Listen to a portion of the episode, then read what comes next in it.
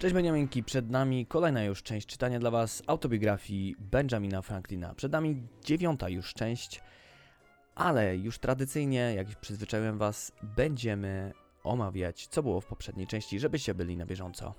A więc, Kajmarowi nie udało się z nową gazetą i sprzedał ją Benowi za grosze. Ben, zadowolony z wyzwania, jakim przed nim stoi, wziął się za pisanie, a ciekawość do gazety przyciągnęły uwagi na temat dysput pomiędzy gubernatorem a zgromadzeniem prowincji Massachusetts. Potem jak zauważył błędy w druku Kaimera i wysyłał lepszej jakości uchwały i ustawy, zyskał szacunek oraz kolejne zamówienia zgromadzenia. Napotkał kolejne problemy finansowe. Zostały rozwiązane one jednak przez sprzyjających mu przyjaciół. Co więcej, Meredith wycofał się z biznesu, przez co Ben był sam, ale uzyskał więcej sprzymierzeńców, gdyż inni zauważyli, że złe towarzystwo go opuściło. W kraju zaczęło brakować pieniędzy papierowych, a przegłosowana uchwała o dodruku pieniędzy była kolejną szansą na urośnięcie biznesu Bena.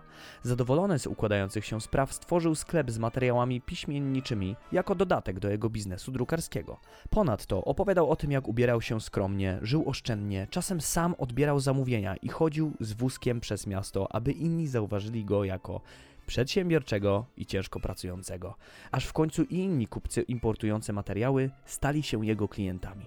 Na koniec opowiedział historię o Harrym i Bradfordzie. Harry przejął biznes po Kajmerze, ale przez swoją niekompetencję i wystawne życie nie poradził sobie z przeciwnościami losu, a Bradford, jako jego już jedyny i ostatni konkurent, kładł mu kłody pod nogi w sprawach biznesowych i sercowych, gdy Benjamin szukał sobie partnerki z posagiem. A teraz Zapraszam do części dziewiątej.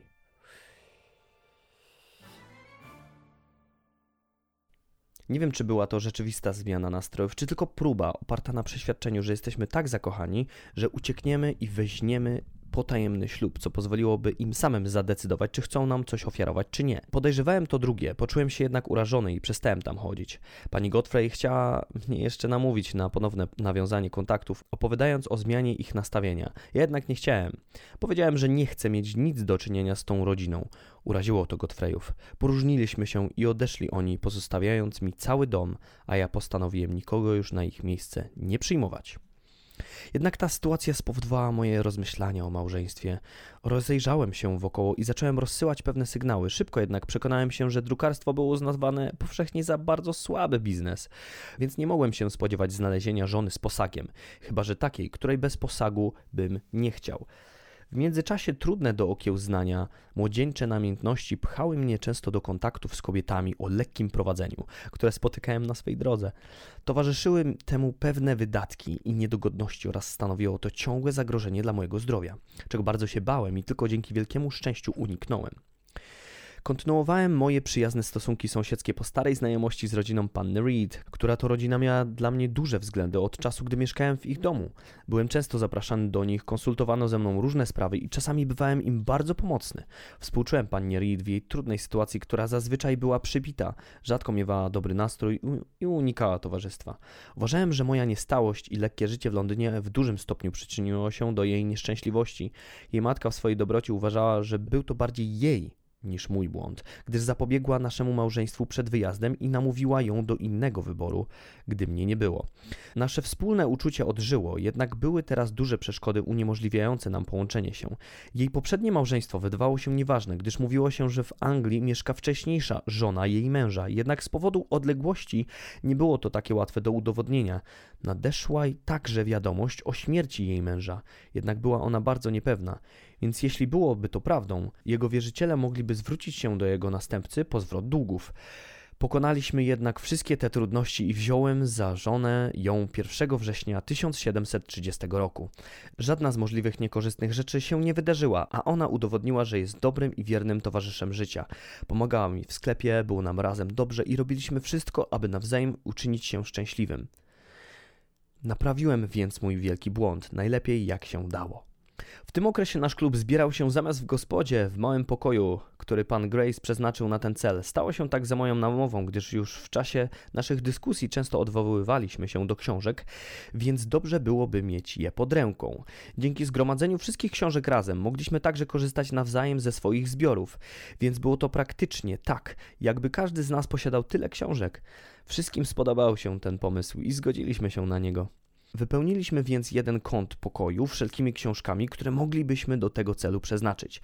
Nie było ich tak dużo, jak się spodziewaliśmy, i pomimo dużej użyteczności tego pomysłu, pojawiło się sporo kłopotów książkami, więc krok po kroku każdy z nas zabrał swoje książki do domu. Przystąpiłem wtedy do realizacji mojego pierwszego projektu publicznego biblioteki z prenumeratą. Naszkicowałem regulamin, któremu formę nadał nasz wielki skryba Brogden i z pomocą moich przyjaciół z klubu Junto znaleźliśmy 50 prenumeratorów płacących po 40 szylingów na wstępne i następnie 10 szylingów rocznie przez następne 50 lat, bo taki wyznaczyliśmy sobie czas działania. Później otrzymaliśmy także status, a nasze przedsięwzięcie rozrosło się do 100 prenumeratorów. To była matka wszystkich północnoamerykańskich bibliotek prenumerowanych, tak obecnie licznych. Stało się to wielką rzeczą i ciągle się rozrasta. Biblioteki te rozwinęły znacznie zdolności konwersacyjne Amerykanów, czyniąc zwykłych handlarzy i farmerów tak inteligentnymi i obytymi jak większość dżentelmenów w innych krajach i być może przyczyniły się w pewnym stopniu do tak mocnej obrony swoich przywilejów w koloniach.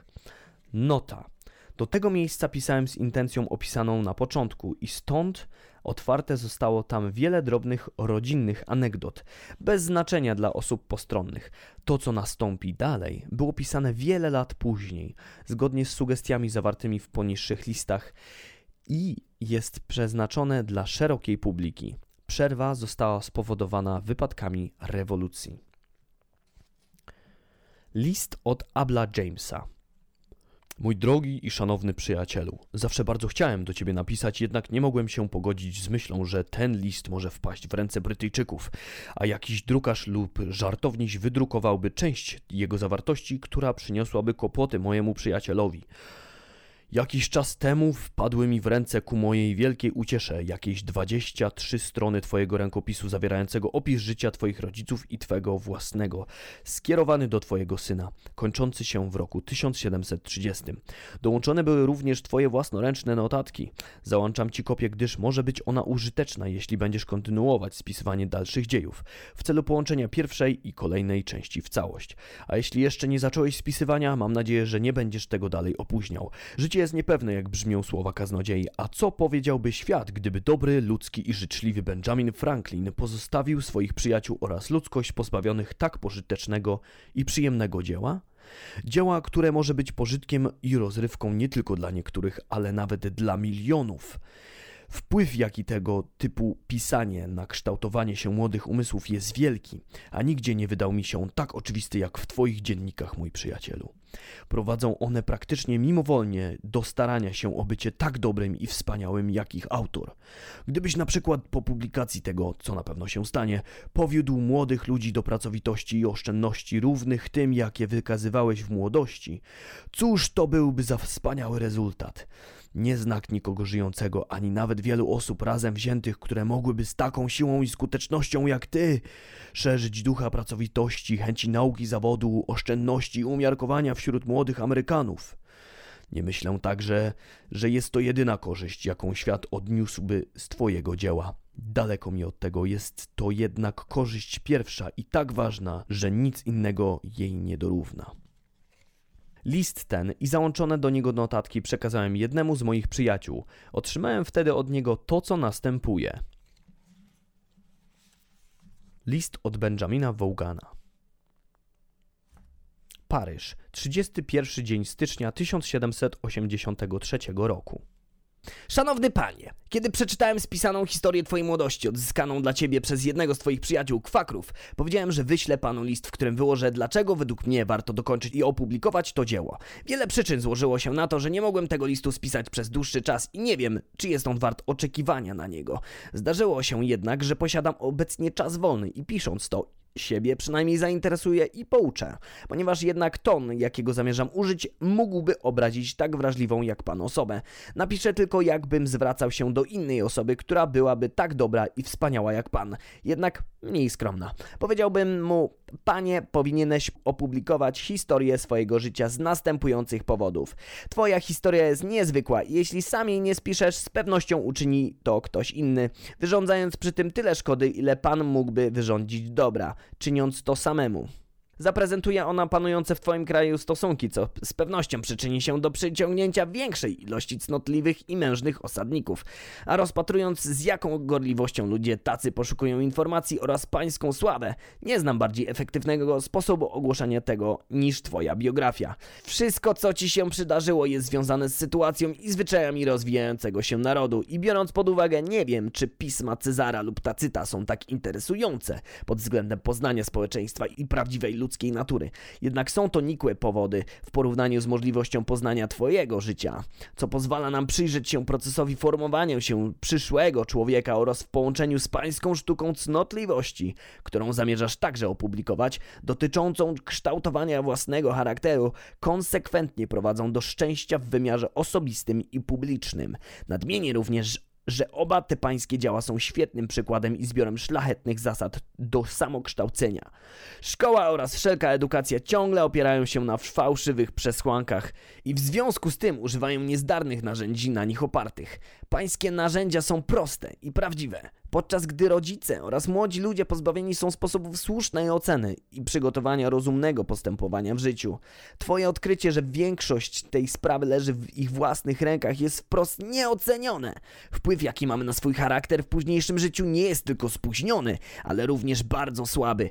To w młodości kształtujemy swoje cnoty i przyzwyczajenia. To za młodu decydują się sprawy naszego zawodu, postępowania w życiu i małżeństwa. Wychowanie w młodości formuje nowe pokolenie. To to w młodości wszystko się decyduje. Wtedy to kształtuje się charakter, zarówno nasz prywatny, jak i charakter całej zbiorowości. Ponieważ życie nasze rozciąga się od młodości do wieku słusznego. Należy je odpowiednio zacząć, zwłaszcza zanim nabędziemy poglądów na sprawy podstawowe.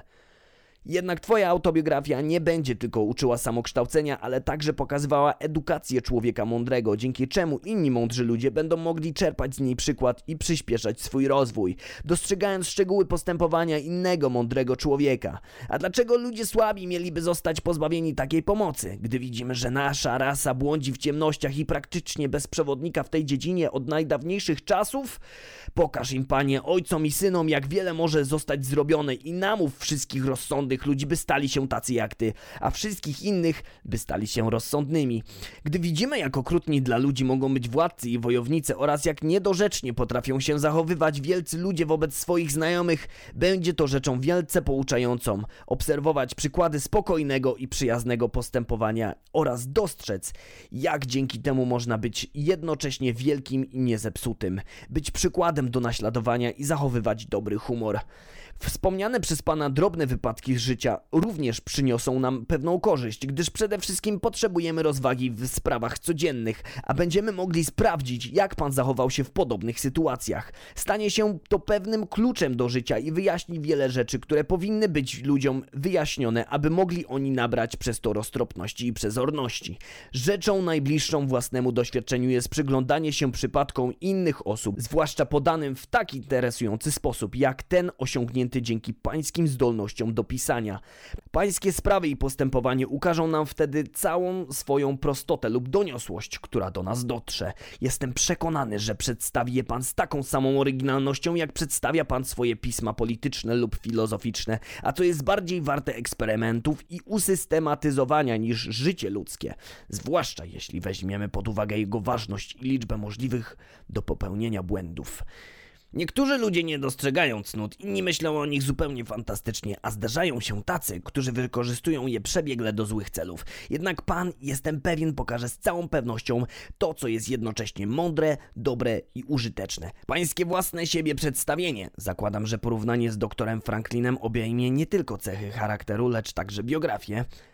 Pokaże, że nie wstydzi się pan swojego pochodzenia, tym bardziej, że pokazał pan, jak niewiele potrzebne jest na starcie, aby osiągnąć szczęście, cnoty i wielkość. Ponieważ nic nie dzieje się bez zastosowania odpowiednich środków, więc z pewnością poznamy także pański plan, dzięki któremu tak wiele pan osiągnął. Jednocześnie ujrzyjmy, że pomimo wielkich osiągnięć, środki do nich są tak proste, jak tylko mądrość mogła je uczynić, gdyż oparte są na naturze, cnocie, myślach i dobrych nawykach. Kolejną pojawiającą się rzeczą będzie to, że człowiek powinien cierpliwie czekać na swój właściwy czas do pojawienia się na scenie życia.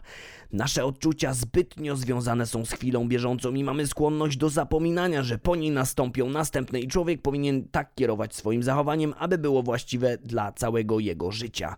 Pańskie działania wydają się zawsze pasować do pańskiego życia, dzięki czemu minione jego chwile były ożywione przyjemnością i zadowoleniem, a nie rozdzierane nieroztropnością i niecierpliwością lub żalami.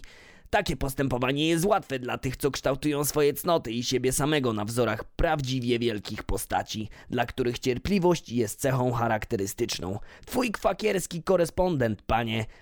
W tym miejscu także przyjmuję, że adresat tego listu przypomina doktora Franklina, chwali Twoją oszczędność, pracowitość, umiarkowanie, które uważa za przykład dla wszelkiej młodzieży. Jednak niezwykłym jest, że zapomniał o Twojej skromności, bezinteresowności, bez których nigdy nie czekałbyś na osiągnięcie swojej pozycji i nie czułbyś się w tym okresie zadowolonym z życia. Jest to ważna lekcja pokazująca ubogość pustej chwały i istotność panowania nad umysłem. Gdyby ten korespondent znał Pana reputację tak dobrze jak ja, powiedziałby iż pana dawne pisma i postępowanie przyczynią się do poświęcenia uwagi pańskiej autobiografii oraz sztuce cnoty, a one zwrócą uwagę na wcześniejsze pana pisma i postępowanie. Jest to korzyść towarzysząca wszechstronnej osobowości, wydostająca wszystkie te cechy na wierzch. Jest to bardzo użyteczne, zwłaszcza, że prawdopodobnie jest więcej ludzi, którzy nie potrafią kształtować swojego umysłu i charakteru, niż tych, którzy mają na to czas i chęci. Jest jeszcze, drogi panie, jedna myśl podsumowująca, która pokazuje pożytek płynący z samego opisu pańskiego życia.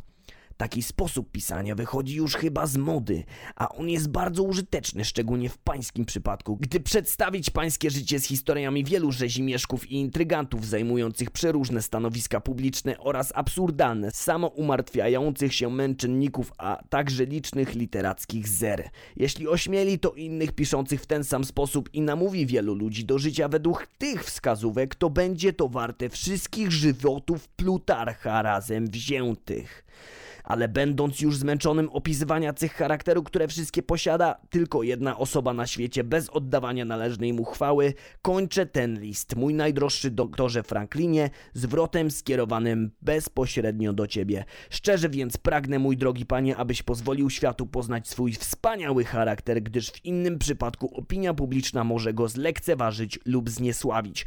Biorąc pod uwagę twój wiek, charakter i osobliwy sposób myślenia, nikt inny inny nie będzie w stanie wypisać faktów z Twojego życia oraz intencji Twojego umysłu. Poza tym wielka tocząca się w tych czasach rewolucja na pewno zwróci naszą uwagę na jej autora, a ponieważ głosi ona wielce szlachetne zasady, bardzo istotnym będzie wykazanie, że miały one istotnie wielki wpływ na nią samą. Ponieważ to głównie pański charakter poddany zostanie badaniu, właściwym będzie, nawet ze względu na skutki, jakie to może przynieść pańskiemu wielkiemu i rozwijającemu się krajowi, a także Anglii i całej Europie, aby był było wiadomo, że zalety jego są trwałe i niezmienne. Zawsze utrzymywałem, że dla osiągnięcia szczęśliwości społecznej konieczne jest udowodnienie, że człowiek nie jest nawet w obecnych czasach złośliwym i odrażającym zwierzęciem. Udowodnić trzeba także, że dobre rządy mogą znacząco na niego wpłynąć. Jest to sama przyczyna, dla której pragnę, aby utrwalił się pogląd, że są wśród nas ludzie o wspaniałym charakterze. Gdyby bowiem wszystkich ludzi uznać za zepsutych, dobrzy ludzie uznaliby swoje wysiłki za bez bezcelowe, a być może uznaliby życie za nic nie warte i nie chcieliby polepszyć go nawet dla własnej wygody. Dlatego też, mój drogi panie, zabierz się natychmiast do pracy, pokaż swoją dobroć tak wielką, jaką jest ona w rzeczywistości, swoje umiarkowanie takim, jakie ono jest, a przede wszystkim ukaż się jako człowiek, który już od dzieciństwa ukochał wolność, sprawiedliwość oraz zgodę, w sposób, który sprawił, że czyniłeś zupełnie naturalnie przez ostatnie 17 lat swojego życia. Pozwól, aby Anglicy nie tylko cię szanowali, ale także pokochali. Gdy pomyślą oni tak dobrze o jednym przedstawicielu twojego kraju, będą znacznie bliżej myślenia tak o całym kraju, a gdy twoi rodacy zobaczą, że Anglicy o nich dobrze myślą, będą znacznie bliżej dobrego myślenia o Anglii. Myśl także znacznie szerzej, nie zatrzymuj się przy tych posługujących się językiem angielskim, ale po osiągnięciu tak wielkich spraw w nauce i polityce pomyśl o ulepszeniu całej rasy ludzkiej. Ponieważ nie przeczytałem żadnej części twojej biografii, ale znam twoją osobę, piszę poniekąd bardzo odważnie Jestem jednak przekonany, że dzieje życia i prace, do których nawiązuje sztuka cnoty, spełnią pokładane w nich nadzieje. Tym bardziej, jeśli zechce pan wziąć pod uwagę wyżej zawarte stwierdzenia, nawet gdyby stwierdzenia te nie okazały się pomocne, tak jak spodziewa się twój gorący wielbiciel, to i tak na pewno praca twoja zainteresuje społeczeństwo, a ktokolwiek wywołuje niewinne uczucie zadowolenia u innych, dodaje im jaśniejszej strony w życiu przepełnionymi niepokojami i bólem. W nadziei, że wysłuchasz błagań skierowanych do ciebie w tym liście, proszę o to osobiście i tak dalej, i tak dalej. Podpisane Benjamin Vaughan. Ciąg dalszy wypadków mojego życia rozpoczęty w Passy, niedaleko Paryża 1784 roku. Minął już pewien czas od kiedy otrzymałem powyższe listy, jednak byłem zbyt zajęty, aby zastosować się do próśb w nich zawartych. Było to także lepiej wykonane, gdybym znajdował się w domu razem z moimi notatkami, które wspomogłyby moją pamięć i pozwoliły ustalić daty. Jednak mój powrót jest niepewny, a teraz mam trochę wolnego czasu, więc postaram się przypomnieć sobie i spisać to, co dam radę. Jeśli dożyję mojego powrotu do domu, może uda mi się dokonać pewnych ulepszeń i poprawek. Nie mając tutaj dostępu do tego, co już napisałem, nie wiem, czy odpowiednio opisałem środki użyte do otwarcia w Filadelfii publicznej biblioteki, co z małych początków znacznie się rozrosło. Pamiętam tylko, że doszedłem w pisaniu prawie do tej daty, 1730 roku. Zacznę więc od tego, a jeśli już o tym pisałem, to po prostu to wykreślę. Moi drodzy, zatrzymaliśmy się w roku 1730, gdzie Benjamin będzie dalej opowiadał nam swoje przygody. Jak słyszeliśmy z listów, które były pisane do Benjamina, rzeczywiście cieszył się on już popularnością w roku 1780 roku i miał tytuł doktorski, także mały spoiler. E, dziękuję Wam za to, że byliście, pomimo tego, że ten odcinek był troszkę dłuższy przez e, akurat te listy. Mam nadzieję, że podobało Wam się. Mi się mega podobało. Czytałem jak maszyna. E, e, dzięki Wam za to, że e, tak naprawdę z tego co widzę, to już coraz więcej ludzi to odsłuchuje, także jestem bardzo zadowolony. E, fajnie by było też widzieć Was na Facebooku, jeśli w ogóle tam jesteście. Max Frost, M-A-X-F-R-O-Z-Z-T. Tam można zalajkować i w momencie, w którym pojawi się nowy odcinek, to oczywiście będę go tam wrzucał, więc zawsze będziecie na czasie. Myślę, że to akurat przynajmniej z tego powodu warto zalajkować tą stronę, a przy okazji można zapoznać się z innymi moimi twórczościami, między innymi tą, która jest teraz na YouTubie i zaczyna się coś ciekawego. Także z mojej strony to wszystko. Dzięki wielkie Wam za wszystko i za wpłaty, także trzymajcie się i będziemy się słyszeć już w dziesiątej e, części Benjamina Franklina i jego autobiografii. Także życzę Wam miłego tygodnia, nakurwiajcie i no, słuchajcie się Benjamina, to będzie zajebiście. Cześć. Szanowny panie! Szanowny panie! Kiedy przeczytałem... Szanowny panie! Kiedy przeczytałem spisaną historię twojej młodości odzyskaną dla ciebie przez pie... jednego z twoich przyjaciół... eee, nie mogę tak. No nie. Szanowny panie! Czy ja mogę jakiś inny głos dać do tego? Szanowny panie. O, to jest fajne.